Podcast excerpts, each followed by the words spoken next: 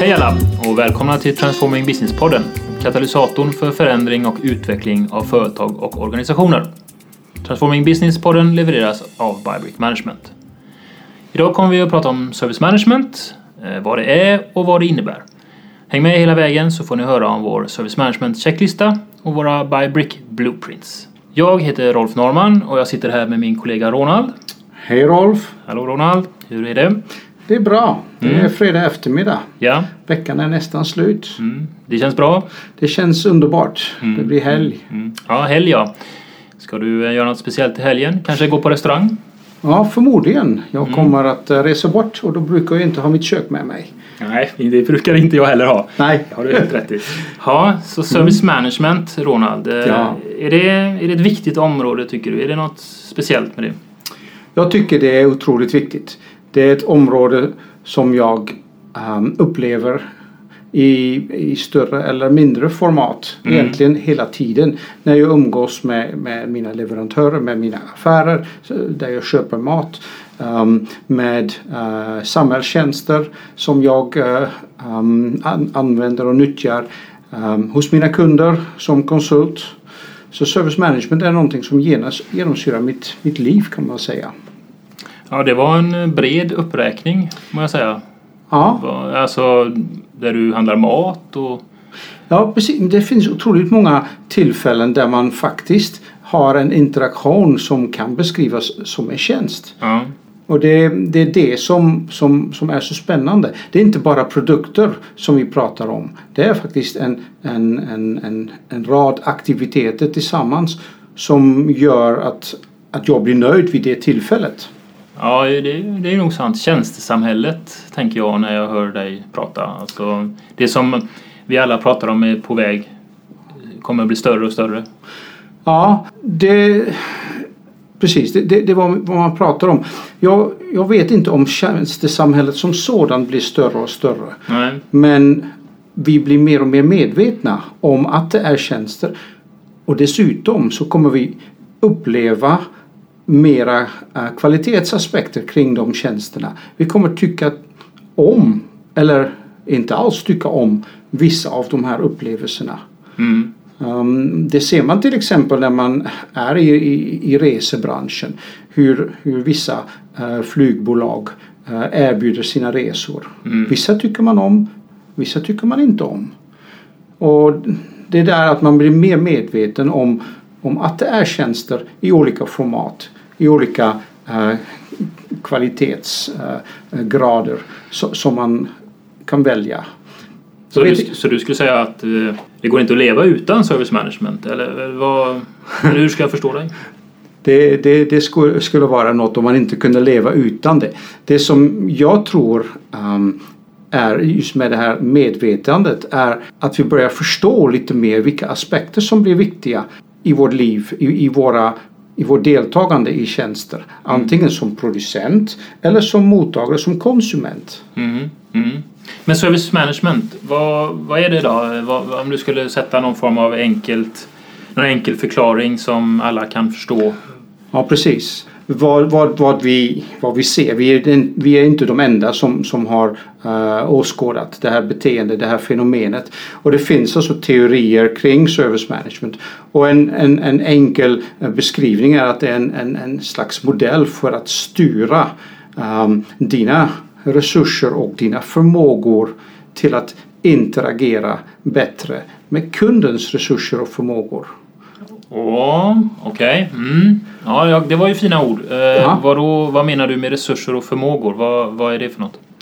Resurser och förmågor är de tillgångar som du, låt oss prata om en, en, en organisation, som, som du har i din organisation, främst ju dina, dina medarbetare, de, de anställda som, som jobbar hos dig, men även dina ehm, arbetsprocesser, din ledning, den informationen som flyttar runt i din organisation. Det är exempel på resurser och förmågor som du har till din förfogan som du använder på något sätt att leverera, att Men producera det, ut. det styr man ju, alltså i vilken vilken verksamhet som helst så, Mm. så, som har någon form av styrning och ledning så, så styr man ju sina resurser och förmågor. Vad är Ja. det som är speciellt med service management då?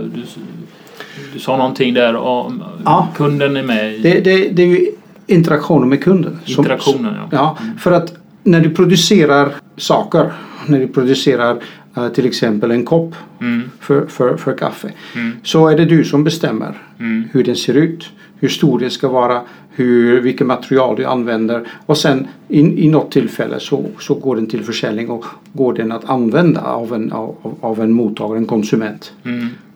Mm, Den har inte varit med i, i framtagningen av själva koppen, Mhm. själva muggen. nej, Däremot om du levererar en tjänst till exempel, jag vill dricka kaffe mm, och jag som kund skulle vilja nyttja den tjänsten i ett café på en restaurang. Då är det koppen visserligen viktigt för det går inte att dricka utan den. Men alla restauranger är inte visserligen viktigt för det går inte att dricka utan den. mm, Men alla restauranger har inte samma kopp. nej, okej. Och hur den levereras till dig, blir det serverat eller måste du hämta det över disken? Det är olika aspekter i den upplevelsen, i den interaktionen som den restaurangen har. Så man kan inte bortse från interaktionen menar du? Man kan absolut inte bortse, den är otroligt viktig. Okej. Mm. Och den avgör om en, en kund eh, blir nöjd eller inte nöjd. Finns det några bärande principer då inom service management som man ska förhålla sig till? Mm. Absolut. När man ehm, tittar till exempel i, eh, i den ehm, teorin så eh, har man utsett, ehm, och det, det ser vi i praktiken, att den modellen för leverans som du eh, vill nyttja, alltså din leveransmodell, är en väsentlig del i service management. Vad, vad är en leveransmodell då? Ja, det var ju det jag tänkte fråga dig, men Ja. visst. En, en leveransmodell är egentligen en beskrivning, en struktur kring um, ja, hur du beställer tjänsten, hur du uh, gör tjänsten, hur, du- hur du producerar tjänsten. Om man, om man, äh, låt, låt, mig, låt mig börja om där egentligen för det här är alldeles för torra managementbegrepp. Vi kan ta ett exempel. Mm. Det är alltid Ja. bra exempel. Jag vill gå på restaurang, jag vill köpa en pizza. Ja. kan man säga, det är en standardprodukt. Ja, men att köpa hämtmat, att faktiskt låta pizzan eh, produceras av mig så att det enda jag behöver göra är egentligen att välja den och sen käka den. Det är en tjänst. Mm. Om man då tittar på leveransmodellen för den pizzerian. Mm. Leveransmodellen som den pizzerian måste ha egentligen strukturerat upp medvetet eller oftast omedvetet är hur ska vi ta emot beställningar? Ska folk komma dit eller får de ringa? Kan de mejla? Kan de smsa? Whatever. Hur är deras restaurang uppsatt? Har vi bord eller blir det avhämtning enbart? Um, hur bygger vi pizzorna? Eller tillagar vi dem? Har vi en ugn? Eller köper vi um, färdiggjorda pizzor? Um, Men, det, men det, här, det här måste ju... Alltså det finns ju hur många pizzerior som helst i Sverige och, och i världen. Det här har de ju koll på. Ja. Alltså annars hade vi inte fått några pizzor på fredagskvällarna. Vad, vad menar du? Vad, vad, är, vad är liksom service management-kopplingen här? Jag förstår inte riktigt. Service- menar du att de utför service management? Ja, det gör de. Det gör de. Och det är en ganska mogen industri. Restaurangbranschen. Um, det är ganska, eh, särskilt pizzeriabranschen i, i Sverige, den är väldigt mogen. Men um, på grund av att den är så mogen så finns ett, ett stort antal av de här bekymmer, de här frågeställningarna. Att de är nästan självklara. Och det är ett relativt enkelt exempel på hur man levererar tjänster. Men om man skulle ta en annan tjänst som till exempel finns i samhället där du vill begära föräldrapenning. Eller en eh, tjänst som du eh, nyttjar eh, från ett företag. Till exempel, jag vill titta på TV Mm. från eh, en, en, en webbleverantör. Då blir det lite mer komplicerat. Mm. Men okej, så att om jag då får koll på min leveransmodell. Ja. Eh, så jag, är jag hemma då, menar du? Nej, Nej. man ska också tänka på aspekten kvalitet. Aha. Vad är, vad är det för något? Kvalitet i den interaktionen som den restaurangen har. Så man kan inte bortse från interaktionen menar du? Man kan absolut inte bortse, den är otroligt viktig. Okej. Mm. Och den avgör om en, en kund eh, blir nöjd eller inte nöjd.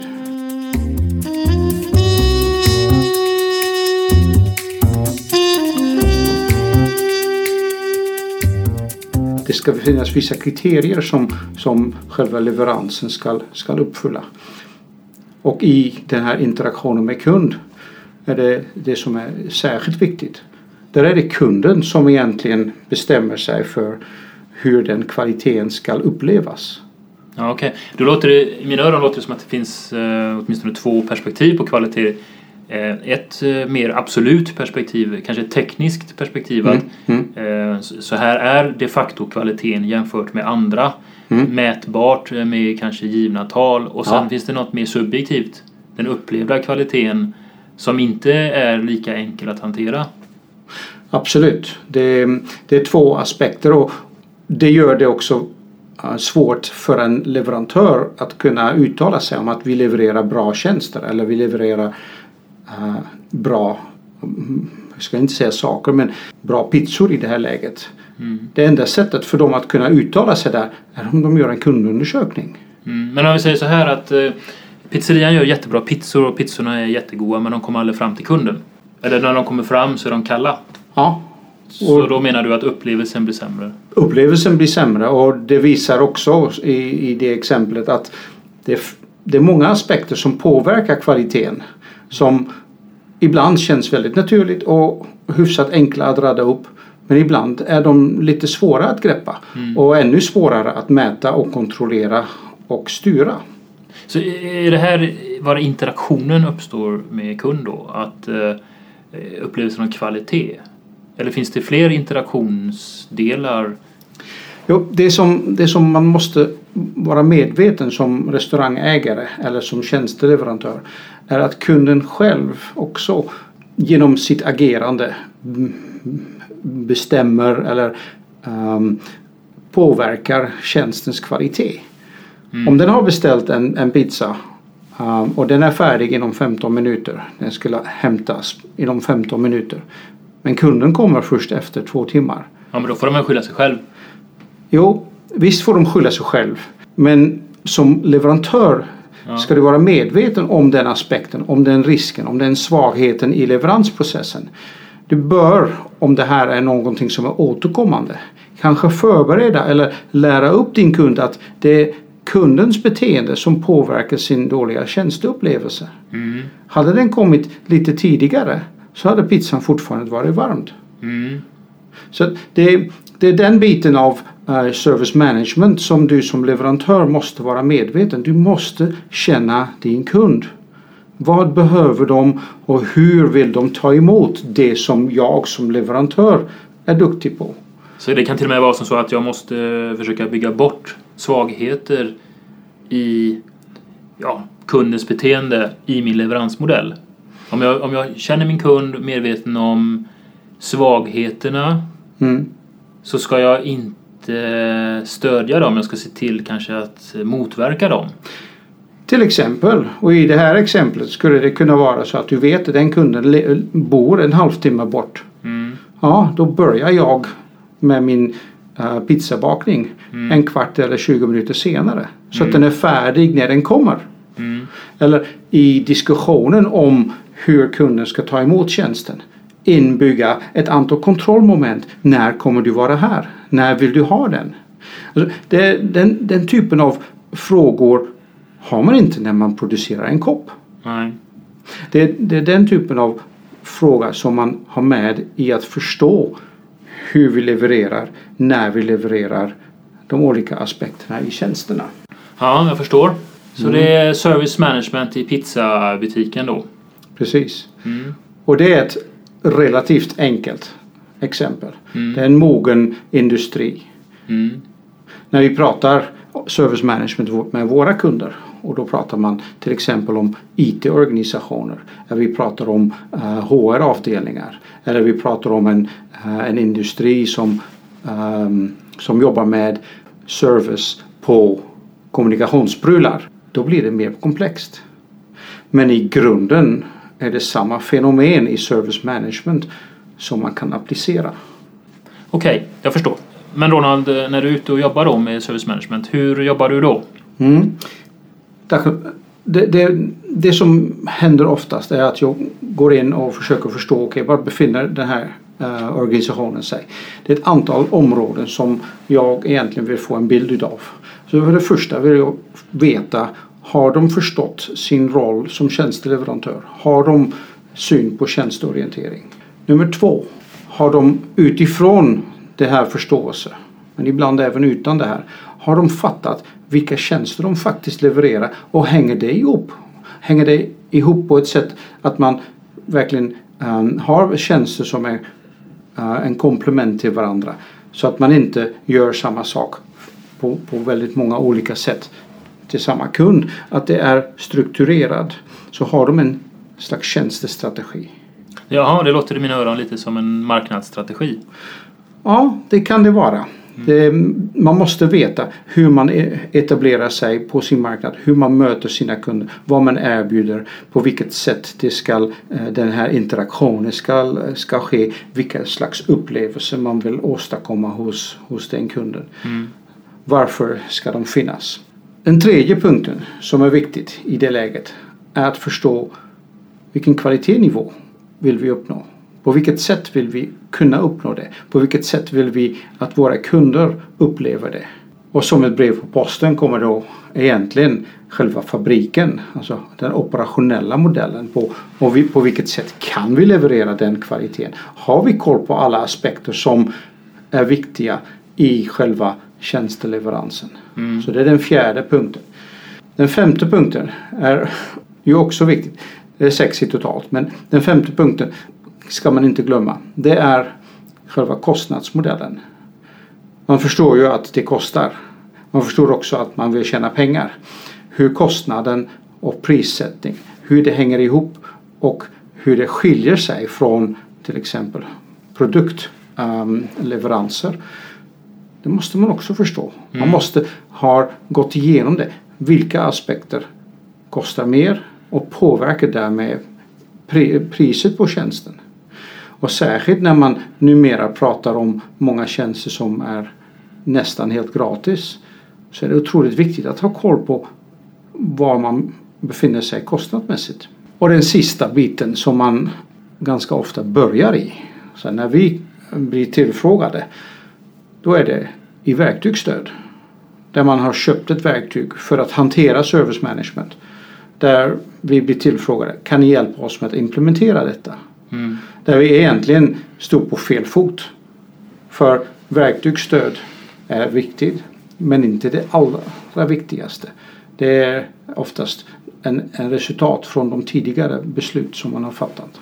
Så det här är en slags grundpelare då till service management? Sex områden att jobba i?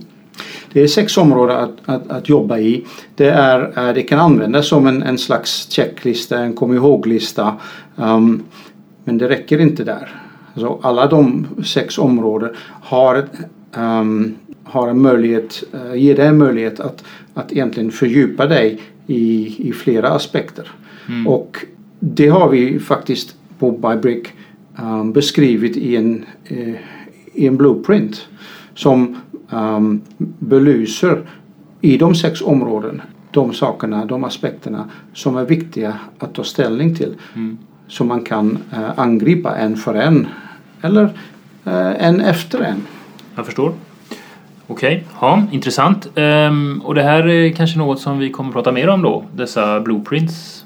Ja, det är meningen. Det är, det är ett ganska brett område och vi vill inte um, uh, göra det till så att det, att det blir alldeles för många uh, idéer som, som kommer ihop mm. tillsammans. Så vi tänker faktiskt uh, prata om det i olika poddar um, under de kom, kommande månaderna. Mm, mm, Okej, okay. mm. ja, bra, intressant. Men ska vi avsluta med något, något bra visdomsord kanske?